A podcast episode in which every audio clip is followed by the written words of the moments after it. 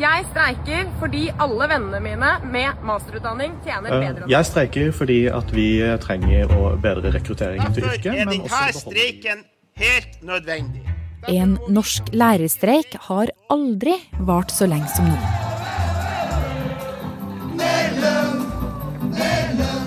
Det har faktisk gått tre måneder, og nå står titusenvis av elever med timeplanene full av hull. Veldig mange har en økt sårbarhet eh, som følge av pandemien. Det er elever som i utgangspunktet har det vanskelig, får det enda vanskeligere nå. Men selv om bekymringene tikker inn fra skoler, foreldre og samfunnet rundt, ser det ikke ut som det kommer noen løsning med det første. Jeg syns det er veldig vanskelig å se hvordan man skal klare å lande, lande denne streiken. Hvor lenge kan egentlig denne streiken fortsette? Du hører på Forklart fra Aftenposten, og er Marit Eriksdatter Gjelland. I dag er det tirsdag 20. september. Nå er det én måned siden lærerne gikk ut i streik. Det vil si, eh, streiken startet før sommerferien, men da var det bare noen få lærere som var tatt ut. Så da elevene skulle begynne på skolen igjen etter sommeren, satte lærerorganisasjonene inn støtet ved å ta ut rundt 3000 lærere i streik. Og nå er vi oppe i over 8000 lærere. Det betyr jo at det er flere titalls tusen elever som ikke har vært på skolen, eller nesten ikke har vært på skolen siden før sommeren. Frøydis Bråten er journalist her i Aftenposten. Hun har dekka streiken siden den starta, og var der da den for alvor ble trappa opp ved skolestart. Jeg husker at jeg var på Skedsmo videregående skole og møtte tre elever som akkurat hadde fått vite at eh, klasseforstanderen deres var tatt ut i streik. Sara, Martin og Jannike. Det eneste vi har vel fått beskjed om, er at den læreren vi har nå, hun blir vel tatt ut i streik. Så da blir det Vet vi ikke helt hva som skjer med norsken ennå. Og det her var jo deres andre skoledag i en helt ny klasse, så de syntes det var veldig kjipt og kjedelig å måtte ta med seg skolesakene hjem uten at de var blitt kjent med hverandre i klassen, og uten at de visste hvordan de neste ukene ville bli. Og det er jo i startprosessen man liksom ja, bør bli kjent, da. Eh, så ja, jeg syns jo det er litt kjipt. Frøydis, hva er det egentlig streiken handler om? Lærerne mener de har vært lønnstapere i flere år nå, eh, og at det særlig er lærerne som har jobbet lenge, som har kommet dårlig ut. Og de må forstå én ting til. Lønna må opp. Arbeidsgiveren KS er jo på sin side uenig i det. Eh, Det er en alvorlig situasjon som Utdanningsforbundet setter elevene i. Det kan ikke være sånn at man skal streike seg til mer lønn på bekostning av alle andre som i dag er på jobb i kommunal sektor. Vi har én tariffavtale i vår sektor, og vi er nødt til å være lojale i forhold til de som er på jobb. Kommunene er jo arbeidsgiveren til lærerne. Eh, De har sagt at de har prioritert ansatte i helsesektoren i dette oppgjøret, og da ikke lærerne i denne omgangen. Så det er en eh, uenighet om lønn hovedsakelig, da? Ja, og så handler noe av konflikten om at det er en del lærere i norske klasserom som ikke har lærerutdanning. Og eh, lærerorganisasjonene mener det er veldig viktig at flere motiveres til å ta denne utdanningen eh, for å ha kompetansen som trengs. Eh, mens arbeidsgiveren, da, KS, mener på sin side at det er flere veier til læreryrket enn lærerutdanningen, og at lærerorganisasjonene overdriver mangelen på lærere. Så det har vært ganske fastlåst. Men så i helga så skjedde en del ting. For det første offentliggjorde Utdanningsforbundet, som er det største fagforbundet med lærere, hva de mener må til for å få slutt på streiken. Altså at eh, hvis det kommer ja, 300 millioner kroner på bordet til økt lønn til neste år, så vil lærerne gå på jobb igjen. Og det at sånne forslag blir kjent for oss utenfor forhandlingsrommet, det skjer nesten aldri. For det andre så møttes partene igjen ned i Oslo sentrum, på Riksmeklerens kontor. Det er umulig å si hvor mange timer det her tar. Vi kommer til å jobbe så lenge det er grunnlag for å jobbe. Så håper jeg vi skal komme ut herfra i løpet av dagen med en enighet. Men det er ikke mulig å si noe om ennå. Men målsettingen er at partene skal komme til enighet.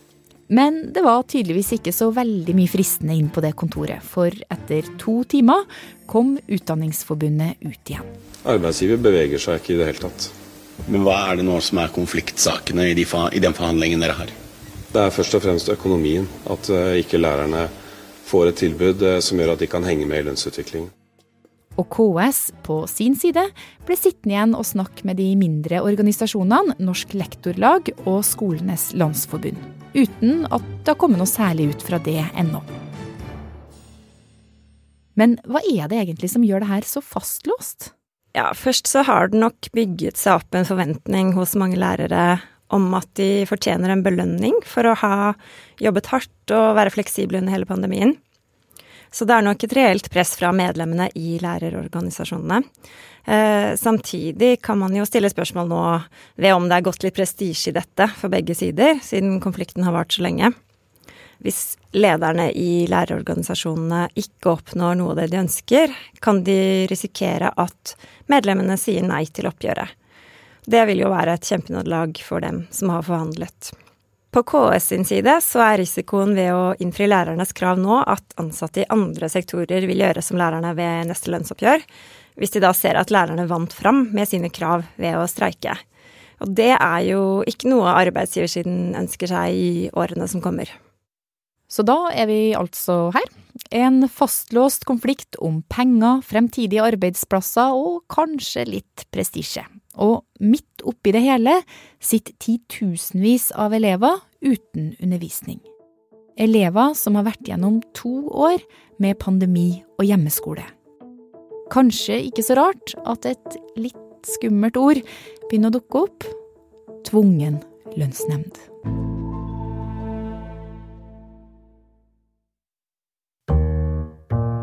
Da Frøydis var på Skedsmo videregående rett etter sommeren, hadde påbyggelevene Jannike og Sara akkurat fått vite at læreren deres var tatt ut i streik. Etter bare én full dag med skole. Nå er det én måned siden. Jeg hører dere. Hallo! Um, hei, hei. Hei, så hyggelig du kunne være med. Så hyggelig. Og fortsatt så sitter de altså hjem store deler av uka. Det har vært litt kjedelig, egentlig. Vi har eh, bare to lærere som ikke er i streik. Vi har ikke tre fulle dager i uka engang, så da er det veldig mye fritid. Vi har ikke fått noe idé da, om hva vi skal begynne med i matten, så det får vi jo nesten ikke starta noe med på egen hånd. Og norsken får vi gjort litt med, men noe av det som skal gjøres, er at det står 'se en serie på skolen'. Og da får du liksom Du kommer deg ikke så veldig langt når du ikke engang vet hvilken serie du skal se på, og får ikke lov til å spørre lærer, eller læreren din får ikke hjulpet deg å si hva du skal gjøre. Så det, man kommer seg ikke så langt. Vi må jo nå da ha eksamener og alt sånt i år, og jo, mer, jo lenger streiken foregår, jo mindre tid har vi på å lære det vi trenger til å kunne gjøre det bra på eksamen. da. Frøydis, hvor alvorlig er denne streiken for elevene? Det kan jo bli ganske alvorlig. Eh, konsekvensene for ungdommene er at de blir sittende mye alene hjemme, noe de allerede måtte gjøre under to år med pandemi. De går glipp av undervisning med en lærer og medelever. Eh, de går glipp av det sosiale på skolen. De mister struktur på hverdagen, trenger kanskje ikke å stå opp for å komme i gang med dagen. Så du kan jo tenke deg selv hva det gjør med motivasjonen. Eh, så det er jo sannsynlig at det er noen som mister motet nå, og kanskje dropper ut av skolen. Og så vet vi jo at det, det å sitte alene hjemme kan øke psykiske problemer. Hm, men fins det ikke systemer rundt som kan fange opp og hjelpe de her? Altså Skolehelsetjenesten har jo åpent på skolene. Men problemet er jo at uh, elever oppsøker ikke helsesykepleierne og skolehelsetjenesten hvis de ikke er på skolen. Det, er, det sier alle helsesykepleiere at, uh, at de må på en måte være tilgjengelige, og de må være der elevene er, da, for at de skal oppsøke dem. Det, ting føles litt sånn nytteløst ut. Vi har prata om at du, noen bruker jo lengre tid på å komme seg til og fra skolen enn de er på skolen. Så vi føler det er nesten litt bortkasta, det lille vi er på skolen. Da jeg snakket med en arbeidslivsforsker for et par dager siden, sa hun at hun ikke trodde streiken vil vare altfor mye lenger, fordi det rett og slett blir en for stor belastning for barn og unge. Så denne forskeren mener myndighetene må ta eh, denne bekymringen på alvor, eh, og at det nærmer, nærmer seg tvungen eller frivillig lønnsnemnd hvis partene fortsetter å stå på sitt. Der konflikten er nå, så er det altså tre måter streiken kan slutte på. At lærerne lemper på sine krav, og det blir enighet. At KS gir etter, og det blir enighet. Eller at det blir tvungen lønnsnemnd. Altså at regjeringa ser at konsekvensene av streiken er så stor og farlig at de går inn og avbryter den. Og Torbjørn Røe Isaksen, du er jo i dag samfunnsredaktør i E24, men for ett år siden så var du arbeids- og sosialminister og gikk inn i en streik i kommunesektoren med tvungen lønnsnemnd. Det er helt riktig. Ja, og den gangen så avbrøt jo du streiken pga. brannfare på et søppelanlegg i Fredrikstad. Og det fikk jo du og regjeringa også en del kritikk for den gangen. Men nå så er det annerledes. Hva skal til egentlig for at regjeringa går inn i en streik og tvinger fram ei løsning? Det, det, skal være en veldig veldig høy terskel. Eh, og det er jo for at Her er det to prinsipper som står mot hverandre. Det ene er jo da streikeretten, som er helt grunnleggende. Og som også betyr at man har rett til å streike på en måte som gjør vondt. Det er hele poenget med en streik. Det er at den skal vise at de som streiker, de eh, har en viktig oppgave å gjøre, og at det har en konsekvens når de ikke er på jobb.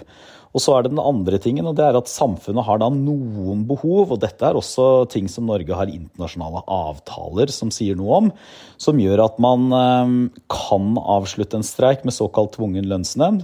Og da er det ofte liv eller helse som er i fare, eller tungtveiende samfunnsinteresser.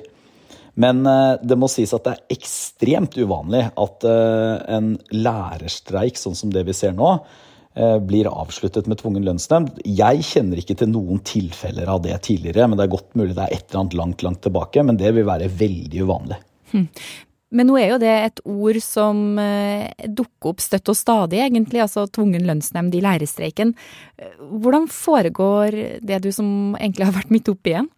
Det, det, som er det aller viktigste å skjønne, det er at dette er ikke noe som eh, statsråden eller regjeringen bare kan bestemme seg for.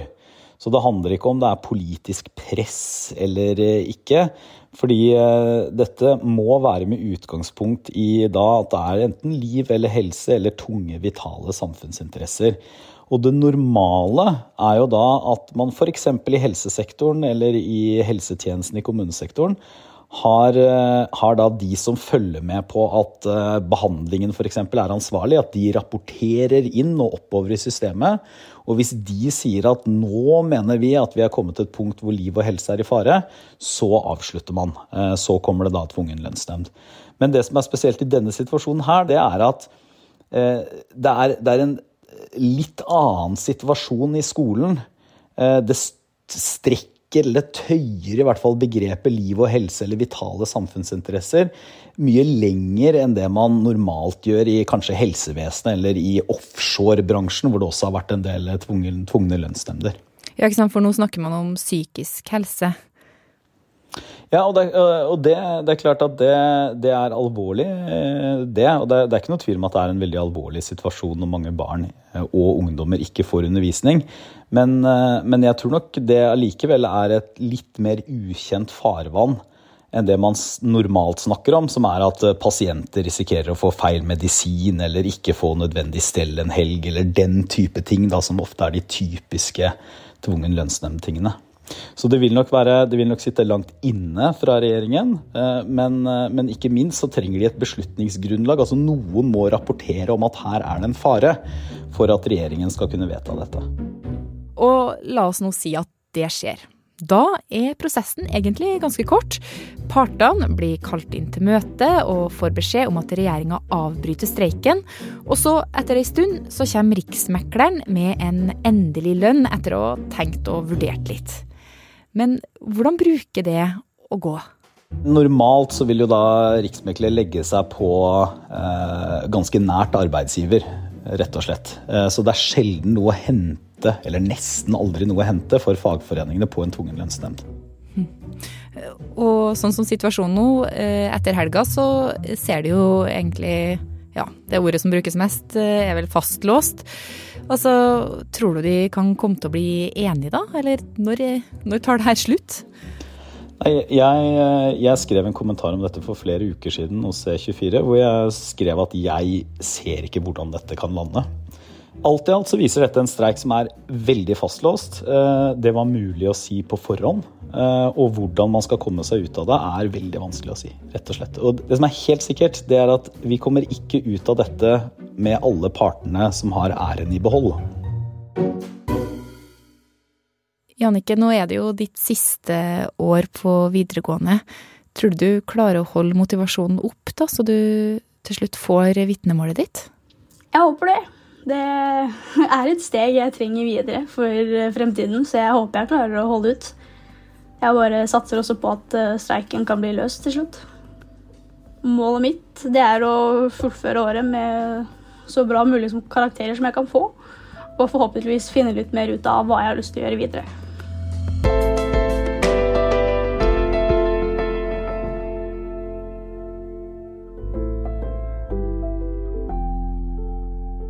Stemmen du hørte her til slutt, det var altså videregående-elev Jannike Handrum. Torbjørn Røe Isaksen og Frøydis Bråten forklarte deg hvorfor streiken er så fastlåst. Anna Lyd var fra NRK, VGTV og Utdanningsforbundet på sosiale medier. Det er David Vekoni, Anne Lindholm og meg, Marit Eriksdatter Gjelland, som har laga episoden. Og resten av Forklart er Synne Søhol, Jenny Føland, Fride Næss Nonstad og Anders Weberg.